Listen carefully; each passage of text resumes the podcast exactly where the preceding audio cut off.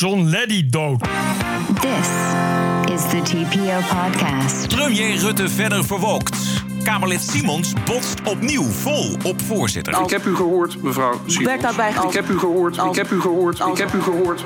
Actrice sluit zich aan bij klimaatrebellen en blijft vliegen. Iemand die zo alle kanten op gaat. Dat is natuurlijk het allerleukste voor een acteur om van hier naar daar en weer terug. En anders ondersteboven, achterstevoren ergens uit te komen. Ja, kom je uit bij aflevering 416. Ranting and Reason. Bert Bresson, Roderick Phalo. This is the award-winning TPO podcast. Goedenavond Bert. Good evening. Het is kerst. Het is kerst. Is nog iets gedaan aan de kerst? Nee joh. Hoe doen ze dat daar op het eiland? Want die Spanjaarden die zijn zo traditioneel als ik weet niet wat volgens mij. Dus Hier eh, doen ze alleen eh, kerstavond. Is eh, het, het moment. Ja, En dat is dus met de hele familie bij elkaar. Gezellig. zijn altijd al bij elkaar, dus dat is geen probleem. En dan heel veel eten en heel veel drinken. Oké. Maar gewoon heel veel. Gewoon, dit is, eh, ja, dit is typisch wat je, wat je van, eh, van Spanjaarden verwacht. Dus iedereen heeft hier ook overgewicht.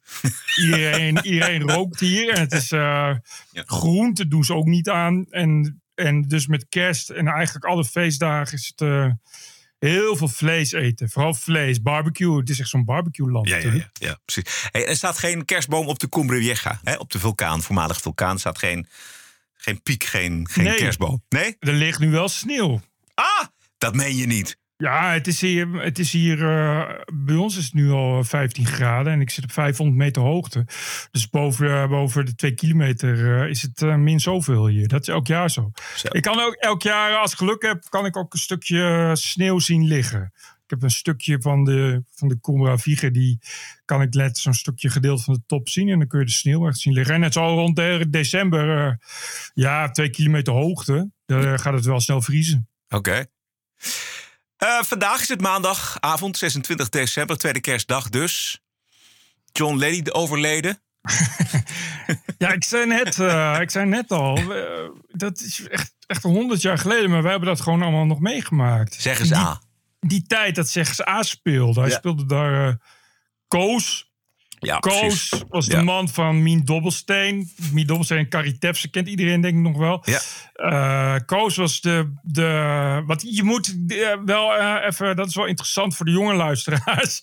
De- die zeggen ze A werd geschreven door Griem van Honingen. En dat is allemaal diep socialistisch. Want dit werd uitgezonden door de VARA. Ja. En in die tijd was het natuurlijk allemaal nog bijzonder politiek. En het, het was echt, ja, echt emanciperend bedoeld. Je had natuurlijk eh dokter van de ploeg.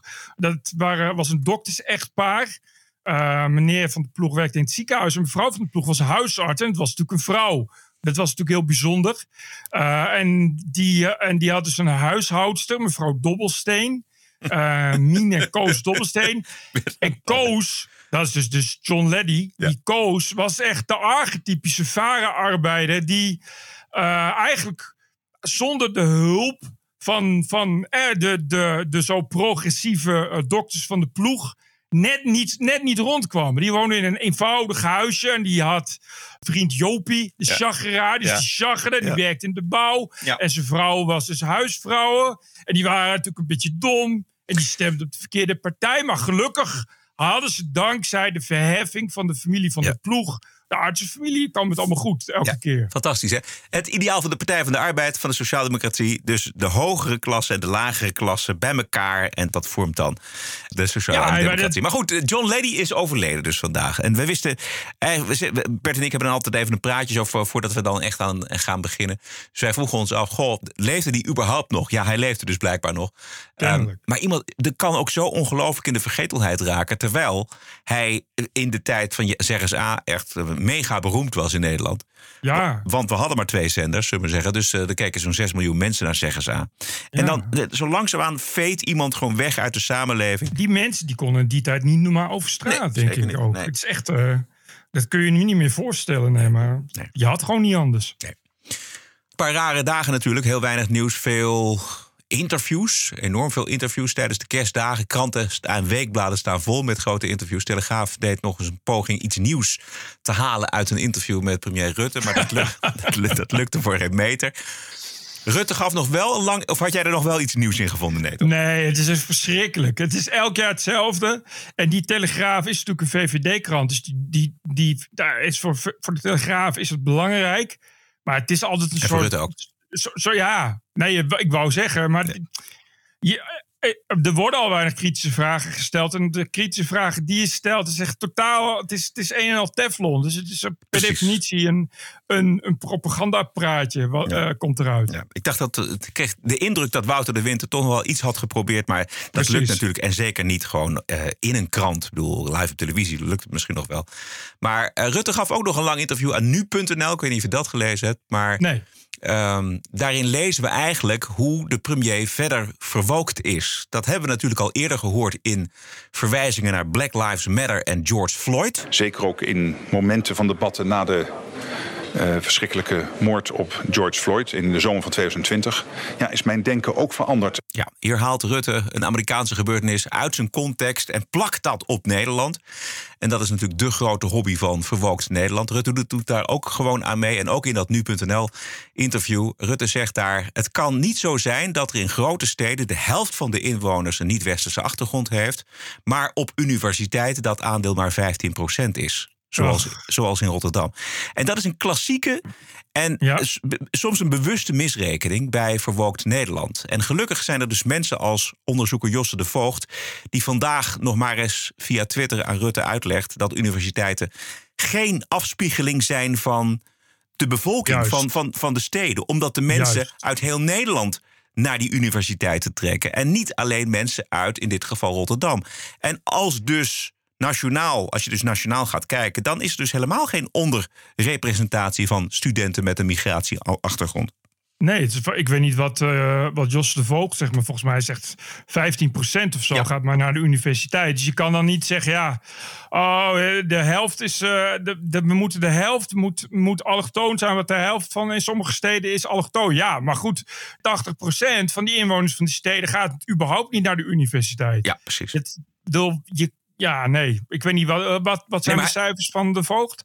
De cijfers van de Voogd zegt eh, inderdaad 12 tot 15 procent. Dat is dus, dat is dus het, het gemiddelde, niet-westerse gemiddelde Precies. van Nederland. Maar het is dus echt een, een klassieke rekenfout van, in dit geval premier Rutte. Alsof de Universiteit van Rotterdam, de Erasmus Universiteit... alleen mensen uit Rotterdam aanneemt. Terwijl het cijfer klopt al gewoon perfect. Het probleem ervan is natuurlijk dat je krijgt, dat, dat, dat soort shit is gebeurd bij de UvA natuurlijk ook heel lang. Dat je gaat quota gaat instellen en dat soort dingen. Ja. En je, hebt, je hebt daar niks aan, want het, dat, je trekt dat nooit recht. Omdat het, die aantallen er gewoon niet zijn. Exact, precies. Maar dat is dus dat, dat onze premier dat al doet. Dat is ongelooflijk. En dat is enorm. Ja, dat is gewoon een knetterende faal van de premier. Ja, en dat terwijl die in het Telegraaf-interview nog wel heel dapper verdedigde... dat hij echt totaal niet begrijpt dat mensen hem eh, D66-kabinet noemen. Want hij, had toch, hij gaat toch iets doen tegen de asielzoekers? precies.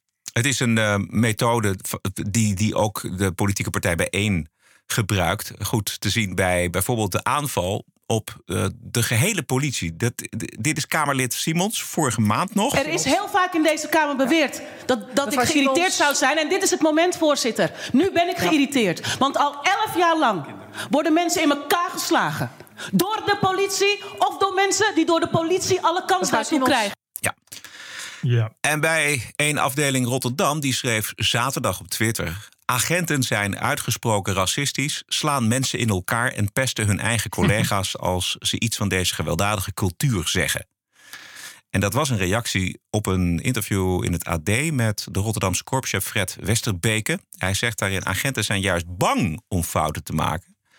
En dan een stortvloed aan kritiek over zich heen te krijgen. En daardoor zijn ze soms huiverig om op te treden als het moet. En dat is, dat is dus niet goed. Kortom, er zullen incidenten zijn, ook met een racistische ondertoon. Maar daarnaast is er een angstcultuur bij de Rotterdamse politie om het fout te doen. En niet alleen bij de Rotterdamse politie, volgens mij. Nou, daar kan ik me van alles bij voorstellen. Ja, Het is alleen nog maar, eh, je krijgt als je politie bent alleen nog maar te horen racisme dit en dit. Mhm. Dan ga je toch op een gegeven moment ga je op je tellen letten. En dan durf je inderdaad op het moment dat er iets gebeurt, dat er eh, iets met allochtonen gebeurt, ja, dan durf je ook niet meer te hard op te treden. Want ja, Weet je, stel je voor dat het misgaat. Dan krijg je weer de beschuldiging van racisme. Ja. Ik heb niet heel goed overzicht over de racistische in- incidenten bij de, de politie in heel Nederland. Maar ik ben wel een keer getipt om notabene een diversiteits- en inclusiemiddag voor te zitten. Zeg maar als, als dagvoorzitter. Ik heb dat toen niet gedaan. Maar Bij de politie? ja, bij de politie. Oh. Maar ik ontdekte, ja, maar, eh, ik ontdekte wel dat eh, als ergens de regenboog aanwezig is, dan is dat bij de politie. Nou, nou en of. Enorm. Dus ik begrijp die Westerbeke wel. Het jammere is dat bij één, en eh, Simons in dit geval, dus die agenda pusht dat de Nederlandse politie racistisch is. Bijeen is toch van, van de polarisering. Ja, Dus- heel en erg. eh, bovendien, het komt natuurlijk heel erg uit Amerika. En in Amerika eh, heb je daar veel meer over te zeggen. En in Nederland, die verhouding is er gewoon helemaal niet. Ja. Eh, maar ja, dan, dat is, ze kijken dat af en dus willen ze dat hierna doen. En het wordt een beetje raar. En je, het is natuurlijk van alles nog aan de hand bij de politie. eh, wat racisme betreft. Want je kan niet zeggen, ja, de politie hier schiet te veel zwarte dood of zo. Dat slaat gewoon nergens op. Nee. En dat probeert bij één toch wel een beetje op de agenda te krijgen. Dit was donderdag. Opnieuw een aanvaring tussen Simons en minister Gus. Wat ik heel belangrijk vind, is dat al die mensen die bij de politie van binnenuit het systeem proberen te veranderen waar zij tegenaan lopen. En dit is een heel duidelijk onderwerp. We hebben straks die mapjes met meer. Dat ik hen daarin steun. Dat is wat er aan de hand is. Ja, dank u wel. Ja, nee, ik, we gaan. Er zijn nog tal van onderwerpen hier aan de orde geweest. Die moeten ook beantwoord worden. Ja, ja, nee, ik, ik zie u wel. Eh, maar ik wil erop wijzen dat, eh, dat we hier niet een debat alleen maar over dit onderwerp kunnen gaan voeren. Dat doen we met regelmaat ook. Hè, maar we gaan het niet nu helemaal hier eh, uitspitten. Dus we, gaan, we hebben het antwoord van de minister. Ik wil, er komt nog meer. Nee, maar dat is een kwestie van ook. poli- Ja, ja, zeker. Maar ik ga nu naar mevrouw eh, Van der Werf voor één Voorzitter, vraag. En dan... even een persoonlijk feit, een punt van orde. Ik heb een Is- vraag gesteld en daar geen antwoord op gekregen. Ik heb gevraagd aan de minister Klopt. of zij denkt dat het simplificeren met een opmerking als... Ik heb u gehoord, mevrouw Simons. werd daarbij gezegd dat de persoon wit was. gaat Daar over heeft zij niet op geantwoord. En het Ja, is ontzettend wel- vervelend. Bij elk debat dat ik hierover probeer te voeren... De microfoon uit? het wel op een ander, ander moment kan. Ik heb haar gevraagd of zij Ja, u, als ze eigen ervaring heeft. Als ze eigen ervaring heeft, voorzitter... uw microfoon staat uit, dus... eh, de ervaring moet weten dat het zelden zo expliciet is. Het is een enorm probleem dat we hier vandaag bespreken. En ik probeer het elke keer op de inhoud te bespreken. En ik weiger elke keer gaslight te worden over dit onderwerp. Het is veel te belangrijk. Het gaat over de veiligheid, de nationale veiligheid van elke burger en elke agent in dit land. Mevrouw eh, eh, Simons, uw microfoon staat al een tijdje uit. We horen u hier wel, maar elders niet. En dat... Ja, ja, nee, zeker. Dat doe ik, omdat ik namelijk over de orde ga. Het is een soort fanatisme. Ja. Hè? Echt, je weet, terwijl het is echt niet zo dat Simons hier nooit de ruimte krijgt. Of dat het debat daar nooit over gaat of zo. Weet je, het is echt allemaal keurige voorzitters waarin iedereen... Dit is typisch Nederland ook, waar je echt... Nou, het is echt niet zo dat mensen, mensen je proberen te beperken. Ja, je moet je wel aan de regels houden. Dit was toevallig dan niet dat het, het hoofdonderwerp de politie was. Maar zij wilde dan wel een vraag stellen. Nou, dan geeft Jisselkus natuurlijk ja, een antwoord zoals zij een antwoord wil geven. Dat is vast onbevredigend voor Sylvana Simons. Maar ja, dat is wat die voorzitter ook zegt. Zij gaat over haar eigen antwoorden. En dan kun je wel doorvragen Juist. en doorvragen en doorvragen. Maar dan, voordat je het weet, ben je weer een half uur, een, een uur bezig... met een onderwerp waar je eigenlijk niet zo lang mee bezig wilt zijn. En daar kan zij zich niet bij neerleggen. Nee, ja, dan moet je je wel bij neerleggen. hè, Want het is nou eenmaal. Want wat, dit, lijkt, dit is een commissievergadering of zo. Of in elk geval iets, iets eh, een kleine, precies. kleine groep. Ja, daar heb je de tijd niet voor. Het is niet dat, dat er Kamerleden overlopen van tijd. Ik bedoel, en iedereen wil vragen stellen. Dus dan zeg je ja, iedereen kan maximaal twee vragen stellen.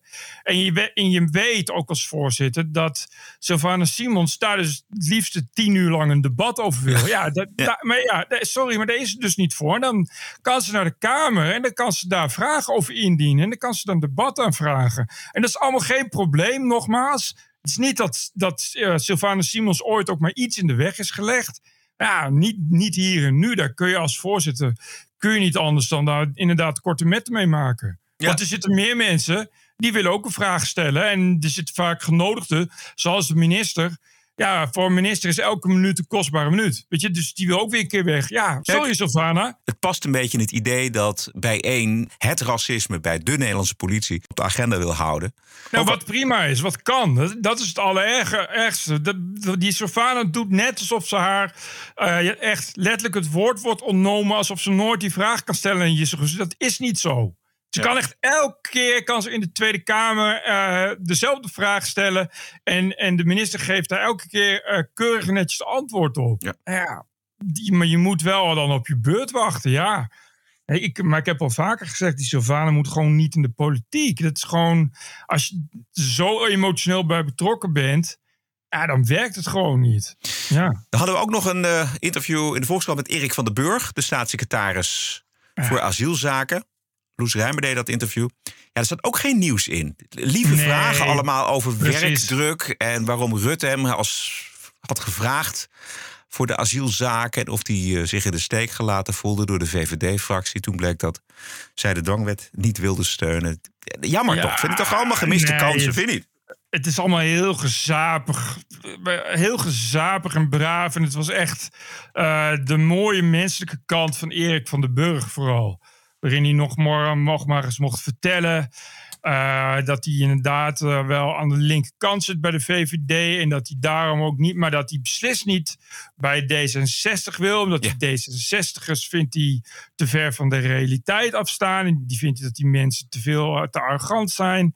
Maar dat hij ook op een gebied van veiligheid en blauw op straat wel weer heel rechts is. Het is allemaal van allemaal bla bla bla voor in een wijvenblad. Van die libellen, hartstikke leuk. Oh, zo staat het in de Volkskrant. Ja, ik vond het en ook- Nul kritische vragen. Nee. Hij kon ook onbeperkt zeggen waarom die dwangwet zo belangrijk was. En, eh, en hoe dat allemaal toch ging werken. En hoe die, wat hij had gezien bij de Apel. En hoe het toch allemaal fantastisch was. Ik dacht, ja, Ja. En dan krijg je dat, zo'n zo'n interview krijg je dus met een columniste waarvan je ook weet aan welke kant zij staat. Dus Echt. het wordt hem niet moeilijk gemaakt. En dat weet je eigenlijk vanaf de allereerste regel. Eigenlijk wil je het overslaan, maar jij tweette er volgens mij nog iets over. En toen dacht ik van nou, dan ga ik toch maar eventjes lezen. Maar eigenlijk weet je van ja, het is slappe hap. precies op dit dossier zijn zoveel kritische vragen te stellen. Stel die dan. En je kan dat, dat je, eh, want dat hoort natuurlijk ook bij die krant, bij een kerstinterview, dat je een uitgebreid profiel en, het menselijke gezicht en wie is de man, want het ging over, over zijn kinderen en over zijn ex-vrouw, weet je wat is de typische, eh, eh, echt, echt dat huiskamergevoel. Dat is allemaal prima, maar stel dan ook die, die kritische vragen. Weet je, en dat, dat wordt gewoon na. Nee, dat had in elk geval beter gekund, laat ik het zo zeggen. In diezelfde Volkskrant ook een interview met GroenLinks-Kamerlid Kautar Bouchalikt door eh, Sheila Sitalsing. Eigenlijk Ja, hetzelfde, hetzelfde verhaal. Ik zag de kop en toen zag ik dat het Sheila Sitalsing was. En toen dacht ik, oh, dat wordt ja, toch een soort bejubeling. En wat dapper dat die vrouw een hoofddoekje draagt en dat allemaal zomaar doet. Power vrouw stond er Ach. boven, geloof ik. Dus dat was het allemaal. Het verhaal was eh, vooral een, een, een slachtofferverhaal. Ze behoort tot Ja. een bevolkingsgroep die er niet mag zijn. In haar woorden, ze wordt eh, door online trollen voortdurend achterna gezeten. Ja, wie Ja. niet zou je zeggen. Nou, wie ze is, niet, nee. Ze is ook nog vrouw en ze heeft een hoofddoek. En er ging over islamofobie en Frankrijk... waar vrouwen geen hoger onderwijs kunnen volgen... omdat ze daar hun hoofddoek af moeten doen. Eh, en dat, ja, ja, dat, soort, dat soort zaken. Maar Je hebt dan de kans, je, hebt je krijgt dan de mogelijkheid... om daar eens, om gewoon groot uit te pakken. Maar geen vragen over actuele islamzaken... zoals de vrouwenopstand in Iran of over Afghanistan. Weet je. Ik bedoel niet om haar te pakken of om haar ter verantwoording te roepen... of om in de, islam te bashen. Maar het is gewoon interessant van haar om te horen... hoe zo'n Bouchalik daar dan over denkt. Ja, maar als je zegt ja, want het is heel erg. In Frankrijk kunnen vrouwen geen hoger onderwijs volgen. omdat ze hun hoofddoek moeten afdoen. Dat willen ze niet. Dan is toch, toch de vraag: oké, waarom doen ze die hoofddoek dan niet af? Ja, precies. Daar, en daar is namelijk geen antwoord op. En dan, dat is- want dan krijg je ja, omdat het hun identiteit is. Oké, waarom is dat hun identiteit? En als je dan hoger onderwijs wil volgen, dan moet je misschien afvragen of je identiteit dat wel waard is. Dat is toch niet de schuld van Frankrijk? Dat lijkt me meer de schuld van de vrouwen die een hoofddoek dragen. Precies. Vraag dat dan. Juist. Maar dat, dat gebeurt dan niet. En ik vrees dat eh, de gemiddelde Volkskrant-lezers daarvan smult. Die houden van mooie, hoopgevende... Dat is de kracht ook van Erik van den Burg bijvoorbeeld. Het is een echte hoopgever. Ja. Dat, dat, is, dat willen mensen, hoop. Hoop. Volgens mij las ik ook hier nog ergens. Misschien was het wel NRC. Het verhaal over hoop Was het een column ging over... Nee, dat was ook Volkskrant. Oh, Volkskrant, ja precies. Ja, Over, over dat Nietzsche zei Ja, dat ja. hoop verlengt de marteling alleen maar. Wat waar is. Nietzsche was dan ook een heel wijs man. Ja, precies. Maar ja, goed. En dan heb je, even, heb je even de hoop dat het dan richting Nietzsche gaat. Maar uiteindelijk komt ze dan toch bij de conclusie. Nee, wat, Nee. precies. En ik heb die hele column niet gelezen. Maar Oh. dan de, ik- de reden dat ik het niet lees, dat is, weet ik al. Dat in elk geval Nietzsche er niet goed uitkomt in die column.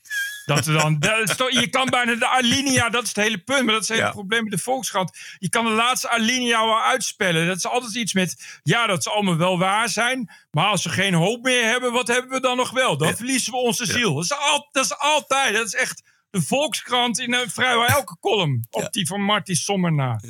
Dat is het grote probleem. Eh, dit speelt ook in de brede zin van de journalistiek. Maar het wordt allemaal zo voorspelbaar. TPO Podcast. Al bijna zes jaar onafgebroken. Twee keer per week een eigenzinnige kijk op het nieuws en de nieuwsmedia. Elke dinsdag gratis en elke vrijdag voor abonnees.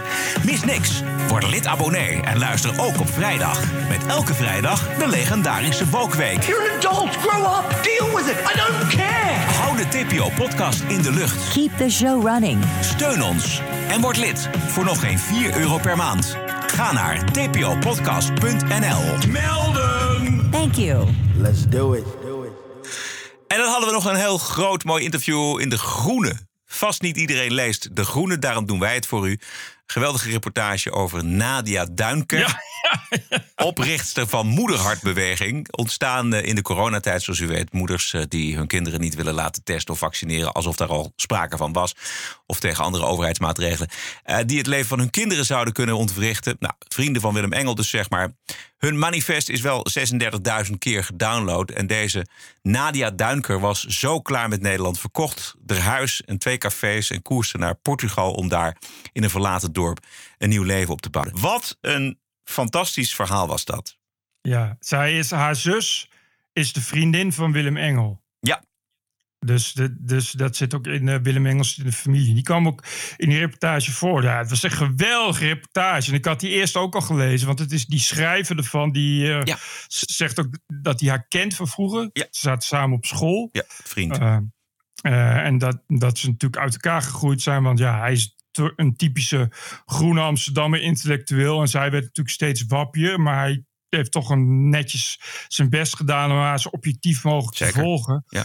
Maar ja, het is zo'n treurnis. En het is, natuurlijk- het is precies wat je ervan verwacht. Het is, dit is precies wat je ervan verwacht van mensen die toch heel snel in het, in het konijnenhol worden Ja, getrokken. Precies. En daar natuurlijk niet meer uitkomen in het leven. Ja, dat is precies wat je daarin leest. En dat is fascinerend. Want zij was in principe apolitiek. Ze was een horeca-ondernemer. Ze kwam uit een VVD-nest.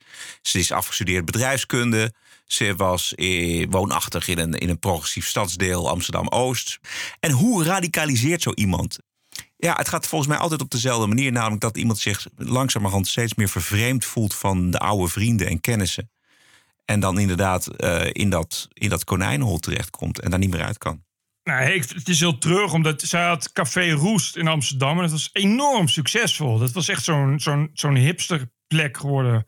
Die, die eh, bijna internationaal bekend was, zeg maar. Ja. Dus, dus, dus daar kun je heel veel geld aan verdienen. Heel succesvol. En dat heeft ze dus verkocht. Om samen met haar man en kinderen naar, naar een regenachtig stuk Portugal te gaan. Ook en maar precies. Weet je, dus, dus eh, met de gedachte, ja, dat is, dat is een staat vervallen dorpje. Dat gaan we dan opknappen. En dan, ja, dan komen er andere mensen die ook tegen de coronamaatregelen zijn. Dus dan berichten we een soort minimaatschappij op. Ja, je, je weet natuurlijk dat zoiets niet zomaar lukt. Ja. En dat ah, je niet je, al je schepen achter je verbrandt en, je, en de boel verkopen en je schulden afvertalen en daar dan heen gaat zonder dat je iets hebt. Dat het natuurlijk het domste is wat je kan doen. Maar dat is precies hoe dat soort mensen handelen. Ja, want voor zo'n dorpje, om dat een beetje te laten functioneren, heb je dus een overheid nodig. Die wegen Ja, aanlegt, die, die, die, die elektriciteit aanlegt, die water aanlegt, die zorgt dat dat draait, eh, waar je belasting voor betaalt. Dat, er, dat je een rekening kunt openen, dat je ehm, gewoon kunt functioneren. Daar heb je kapitalisme en een overheid voor nodig. En dat zijn juist twee zaken die ze dan helemaal afschrijven en denken dat het wel goed komt. En het komt niet goed. En dat lees je prachtig in deze reportage. Ja, het is echt een soort langzame versie van Ik Vertrek. Ja. Want ze, ze zitten nu eh, in een camper onder, met, eh, met wat tentjes in een regenachtig bos. Maar wel eh, op 20 minuten afstand van een bowlingbaan en een sushi-bar. weet je? Want dat. Het is wel, we willen autarkisch leven en zo, maar we moeten wel sushi kunnen halen. En de- die hypocrisie zit natuurlijk in de hele tijd in dat stuk. Want ze heeft nu al negen maanden haar kind thuis. Terwijl in Nederland was ze tegen COVID-maatregelen op scholen. Omdat ze, en daar was ze bang dat eh, kinderen onderwijstekort kregen. Weet je, het is natuurlijk natuurlijk de hele tijd tegengesteld. Waarin je, waarin je ziet hoe die mensen zichzelf daar echt muur en muur vast in draaien.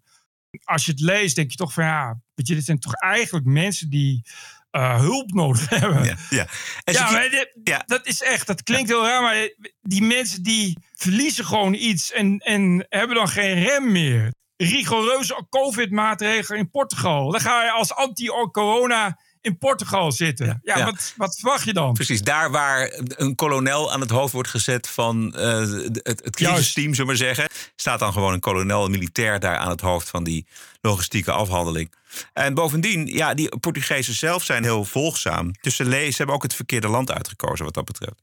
het feit dat die mensen daar nu of in een Airbnb zitten of in een lekkere camper, dat ge- geeft wel aan dat, je, dat er iets mis is gegaan wat je gewoon goed had kunnen doen. Dus Die, ik, ik weet hun financiële situatie niet, maar ja, dat roest, dat was, lijkt me in elk geval heel succesvol. Dus eh, ze hebben daar vast wel de nodige ton aan overgehouden. Daar kun je, kun je heel veel mee. Maar dit, dit soort mensen komt daar altijd in terecht. Dit is, dit is precies het type mensen wa- waar dat natuurlijk nooit goed mee komt. Nee. En dan, wat, wat dan ook zo fascinerend is, dat er dus inderdaad een vriend van haar daarheen gaat en dat interview afneemt. Dus het is ook iemand die heel erg open staat ja. voor wat daar gebeurd is en hoe die radicalisering in zijn, in zijn werk is gegaan. En dan merk je ja, dat ze niet meer uit dat konijnenhol kan. Precies. Nee, dat ze zitten daar, ze draaien zichzelf heel erg vast. En dat is, die vriend die stelt ook vragen waar ze geen antwoord op heeft. En daar merk je hoe dat, hoe dat heel erg wringt. En, en, die, dat je, en dan merk je dat die, die mensen door hun eigen onlogica echt ook zichzelf hebben vastgenageld. En om daaruit te komen, gaan ze nog verder en nagelen ze zichzelf nog verder vast. En dat is echt iets wat je wat heel veel mensen hebben, maar waar je wel uit kan komen. Daar heb je dus wel hulp bij nodig. En dit is wel. Het is heel droevig als je daar met je kinderen zit. En je zit op die manier vast in het leven. Want het is natuurlijk. Ja, het is nu COVID. Maar als het geen COVID is, is het iets anders. Het zegt natuurlijk iets over de identiteit die die mensen hebben. Ik zie ook het, het zelfversterkend effect. Hè? Want Ja. eh, wat hebben we bij Baudet natuurlijk ook gezien. Oude vrienden, die oude kennissen, die hebben geen aansluiting meer. Dus zoeken ze juist de verkeerde vrienden. Dat zegt zij op een gegeven moment ook. Zij vindt ook die Gideon van, Gideon van Meijeren vindt ze ook geweldig. En die David Icke. En dat zijn allemaal knetterfoute fouten. Zelfs Poetin, eh, eh, heb ik gevonden op een gegeven moment op een filmpje, is aan het verdedigen. Dat zijn de mensen die overblijven en die ze alleen nog maar verder dat konijnenhol intrekken. Dit is zo triest om te zien, jongen. Ja, en, eh, en omdat andere mensen ze eruit proberen te halen, gaan, lopen ze daar ook steeds verder van weg. Want dan hebben ze geen last meer van die andere mensen. Ja, precies. Want, want die zijn natuurlijk onderdeel van het complot. Die zijn betaald door het WEF en weet ik veel wat. Weet je, dus die wil je negeren, waardoor het alleen maar erger en erger wordt.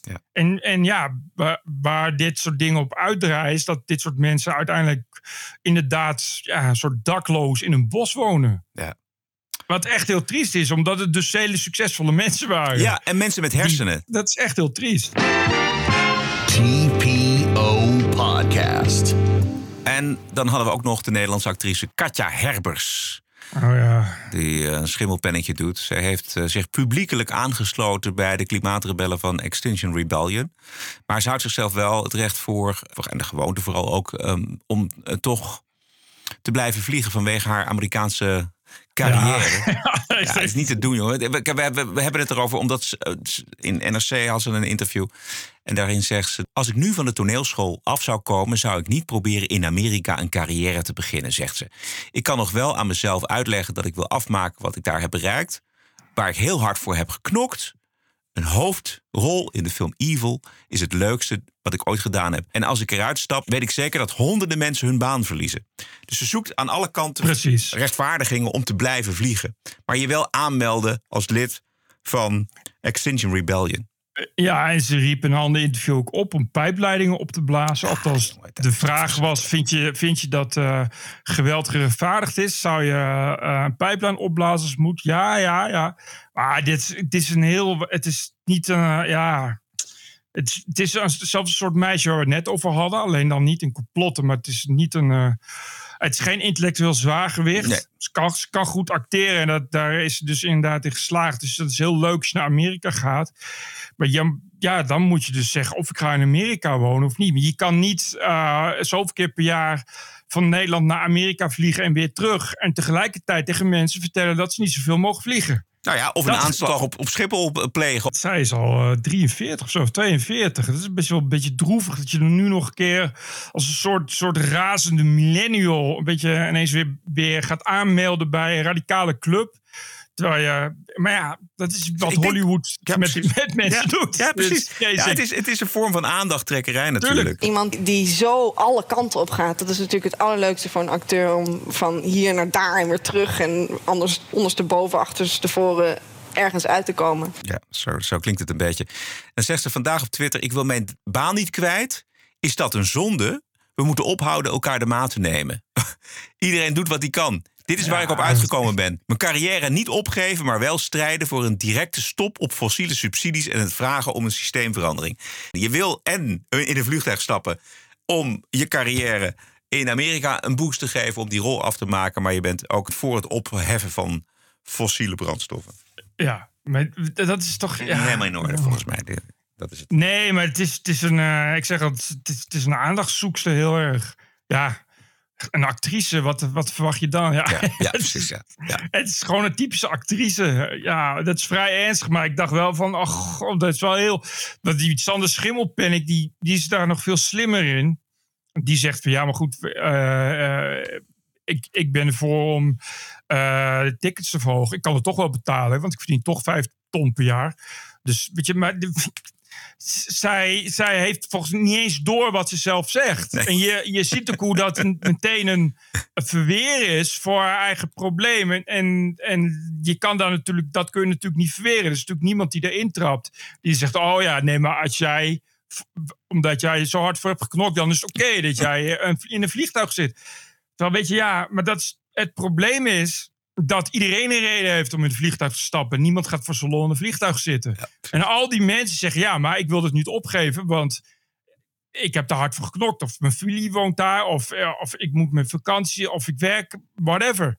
Dus dat is precies het probleem. Maar dat kan alleen als iedereen dat doet, of niet. Maar als je zelf blijft volhouden, ja, maar ik kan dat doen, dan geef je aan andere mensen de reden dat ze ook kunnen zeggen: Oké, ja, maar ik ben ook voor een beter klimaat. En ik wil ook dat er eh, wordt gestopt met fossiele brandstoffen, maar ik wil wel kunnen blijven vliegen. En er zijn er miljoenen van die dat vinden. In de TPO-podcast op vrijdag, de Wokweek. Ook in de wiskunde valt nog genoeg te decoloniseren. Het absurdisme. You're an adult. Grow up. Deal with it. De terreur. Everything woke turns to shit. En het verzet ertegen. This cancel culture is gonna end, end, end. De Wokweek in de TPO-podcast op vrijdag. Ja, op vrijdag. Sluit je aan bij de vrijdag. We gaan nog even kijken naar Rusland. Want er was opnieuw een nieuwe Rus, of een, een Russische topman onder mysterieuze omstandigheden overleden. Oh ja. Deze keer gaat het om Alexander Buzakov. Dat is de directeur van een groot Russisch scheepsbedrijf. Hij is op 66-jarige leeftijd plotseling overleden. Dat meldt eh TAS, persagentschap. Buzakov is vroegtijdig en tragisch gestorven, is te lezen in de verklaring. Weer gaat Weer een, joh. Het is ongelooflijk. Zo'n lange lijst inmiddels. Eerder deze week overleed ook al een andere oligarch, Zelenov, 52 jaar. Hij was eh, bij een bezoekje aan vrienden in Frankrijk. Hij was van de trap gevallen. En eh, de verklaring Oh, was... Ja, Kan ongelooflijk. gebeuren. Hij, wa- hij was, na het eten was hij onwel geworden en hij viel van de trap. Nee, maar dat, eh, dat gewoon de FSB erachter zit en zo. Wat, Ja, zoiets, ja. Maar moet- dit zijn, eh, zijn het Poetin-critici of zo? Ik- Nee, dat is het rare. Zo. het zijn. Nee, dat is het vreemde. Dus, en daarom is de vraag zo van, hoe, hoe bestaat dit? Hoe kan dit? Maar goed, het zijn allemaal oligarchen. Dus het zijn allemaal mensen met heel veel geld en macht. Dus Ja. dat zal dan toch daar wel enig verband mee houden, neem ik aan. Dit zijn natuurlijk mensen die ook dingen weten van het Kremlin. Ja, ja, of, precies. Of, of, of waar geldsporen naartoe leiden, die, die het Kremlin niet wil dat die daar, daar naartoe leiden. Ja. Nog andere zaken? Ik, ja, ik heb nog uh, wat uh, Liederwij Edelkoort. Oh. Want uh, Eindhoven heeft een, het Van Abbe Museum. En het Van Abbe Museum is, is echt zo'n prototype... nou, zeg maar het Stedelijk Museum Kit 10, ook qua woke. Uh, en, en iedereen die iets wil betekenen, die heeft zich verbonden aan het Van Abbe Museum.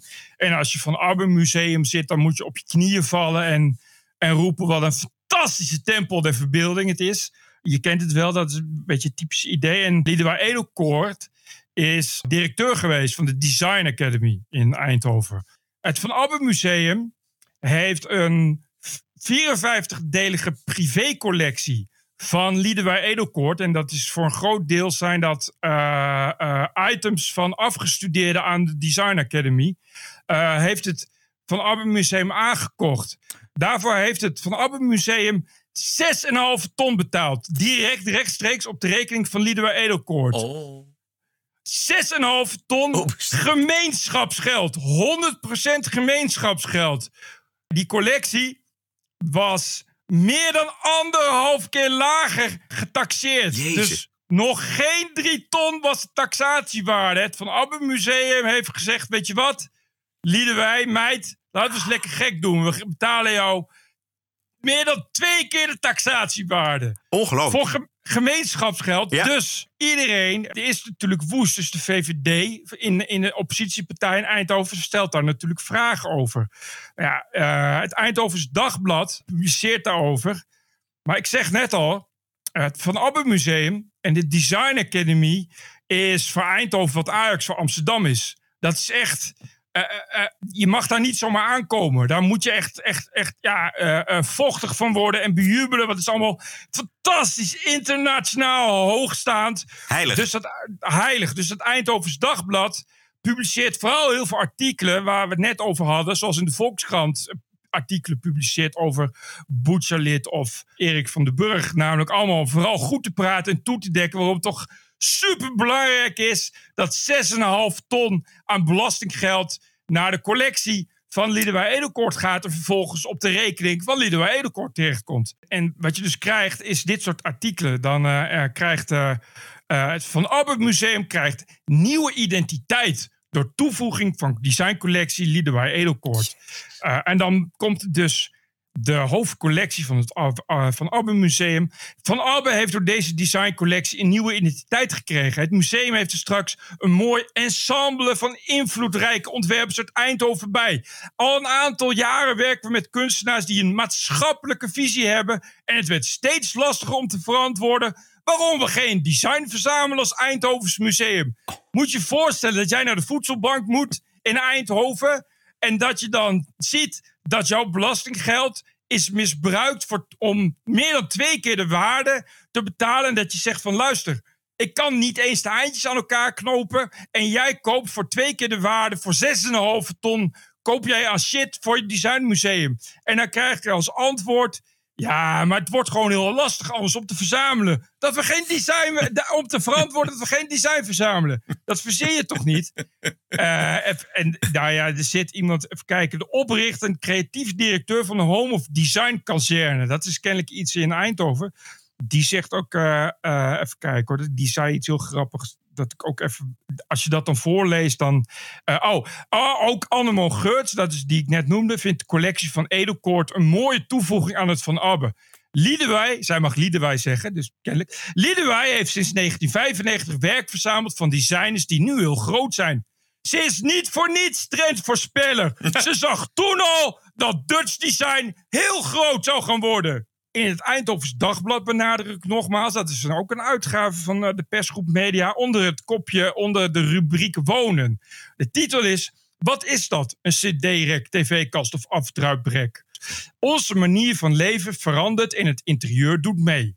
Artikelen als het cd-rek, de televisiekast, de krantenbak waren ooit zo gewoon, nu zijn ze sporadisch te vinden in onze huizen. Over verdwenen meubels en het interieur van de toekomst. Uh, nou, let op hè. Het is interessant om te zien dat door de komst van nieuwe spullen ons interieur verandert.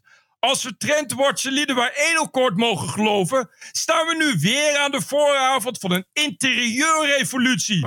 We zien er nog maar weinig van, maar het ziet er naar uit dat we in de nabije toekomst nomadisch gaan leven in ons huis. Waarom zou je statisch blijven vasthouden aan de standaard doorzoonwoning met vaste ruimtes? Zoals de zitkamer en de eetkamer. De televisie staat straks niet meer centraal omdat we allemaal onze eigen handzame apparaat op zak hebben.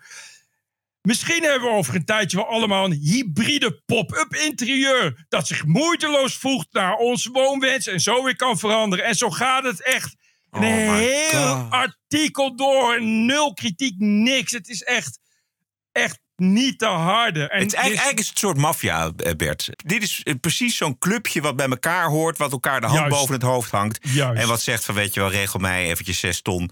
dan krijg jij eh, mijn collectie. Ook nog eens een keer door anderen gemaakt. En Oh. de Eindhovens Dagblad die eh, komt natuurlijk met veel experts... die allemaal in postmoderne Ja, bullshit uitleggen waarom het echt... eh, Nodig is. Nou, zo fantastisch. Zo fantastisch voor Eindhoven. Dit zit Eindhoven echt helemaal op de kaart. Je wil gewoon niet weten hoe belangrijk dit is. Na 86 jaar van Abbe Museum is van Abbe Museum nu echt... Ja, de kers op de appelmoes. Weet je, alleen maar dat soort gelul. Ja, verschrikkelijk. Ja, hier, dat moet ik even wel. Dus anders dan heb je het idee dat er alleen maar ons in het Eindhovens Dagblad staat. Hier, eh, even kijken, dit is... Nou, 6 december 2022. Dat is allemaal heel recent. Onbegrip bij VVD Eindhoven over aankoop designcollectie Eind Edelkoort. Bla bla bla. De oppositiepartij struikelt over het prijskaartje. Let op wat de VVD zegt. In een tijd waarin veel inwoners en ondernemers de tering naar de nering moeten zetten, is het verschil tussen de taxatie en de betaalde prijs astronomisch te noemen. Volgens de VVD moet het museum spaarzaam en verantwoord omgaan met geld van de gemeente. Eh, ook, dit is ook heel mooi. Ook vindt de VVD de gemiste kans dat de designgoeroe zelf niet wat genereuzer is geweest. Het is jammer dat ze niet de hele verzameling heeft geschonken aan de stad. Juist. Als blijk van waardering voor de ongekende mogelijkheden die ze heeft gehad. Zo. In haar tijd als directeur van de Design Academy in Eindhoven. En dat vind ik echt een goeie, want je strijkt gewoon door je vriendjes in het bestuur van het museum en je vriendjes in de politiek. Strijk je zelf even, even 6,5 ton op. Ja, schandalig. Terwijl je, terwijl je echt 6,5 ton, terwijl het misschien nog ineens 3 ton waard is. Dit had een vraag van Tan Huis moeten zijn in Buitenhof. Nou, nou, inderdaad.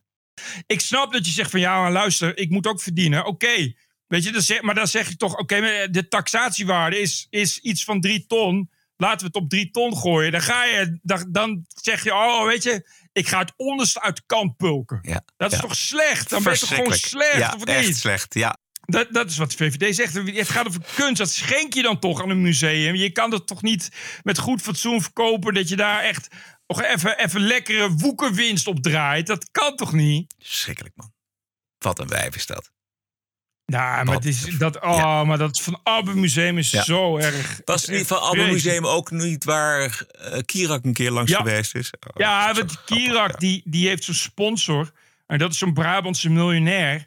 En die, die zit dus vuistdiep in het Van Abbe Museum. Want miljonairs die willen graag iets doen met kunst. Dus die, zijn, eh, die subsidiëren dat Van Abbe Museum. En dat Kirak heeft daar dan, maakt daar dan eh, ja, reportages over. Eh, en wat dan die miljonairs weer niet leuk vinden. Want Nee. ja, dat is natuurlijk veel te confronterend en te polariserend en zo. En, maar die hebben inderdaad zo- zo'n vergaderavond of een, of een brainstormavond. En ja, dat is gewoon drie uur lang postmodern lullen en voor jezelf klappen. En dat hebben ze dan keurig netjes in beeld gebracht. Ja, dat valt natuurlijk niet goed. Geweldig verhaal. Mooi hè? Ja, maar dit is, echt, dit, is, dit is natuurlijk gewoon maffia toch? Ja, dit Is precies. dit kan dit- toch niet? En als het nou eh, tussen eh, particuliere onderling zou zijn, dan eh, is het hun zaak. Maar dit gaat om gemeenschapsgeld. Ja, precies. Zes- 600.000 euro van de belastingbetaler. Die wordt gewoon geschonken aan deze Liedewij Edelkoort. Altijd leuk om het over Liedewij te hebben. Eh, tot zover dan deze TPO-podcast op de tweede kerstdag. Eh, hij is voor dinsdag, maar het is nu maandag. Elke dinsdag en elke vrijdag online via je favoriete kanalen. Vergeet je abonnement niet voor de vrijdagshow. Je steunt TPO-podcast al voor minder dan 50 eurocent per aflevering. Dat is 4 euro per maand. Daarvoor krijg je twee keer per week de TPO-podcast met in de vrijdagshow the one and only Wokweek. tpopodcast.nl. Veel dank. Stay cool. En tot vrijdag! TPO Podcast. Bert Bruson, Roderick Balo, Ranting and Reason. wordt het toch nog gezellig. Podcasting is the TPO podcast in the Netherlands. Bert and Roderick. What a show. I'm telling you. Keep the show running. Go to tpo.nl slash podcast. Thank you.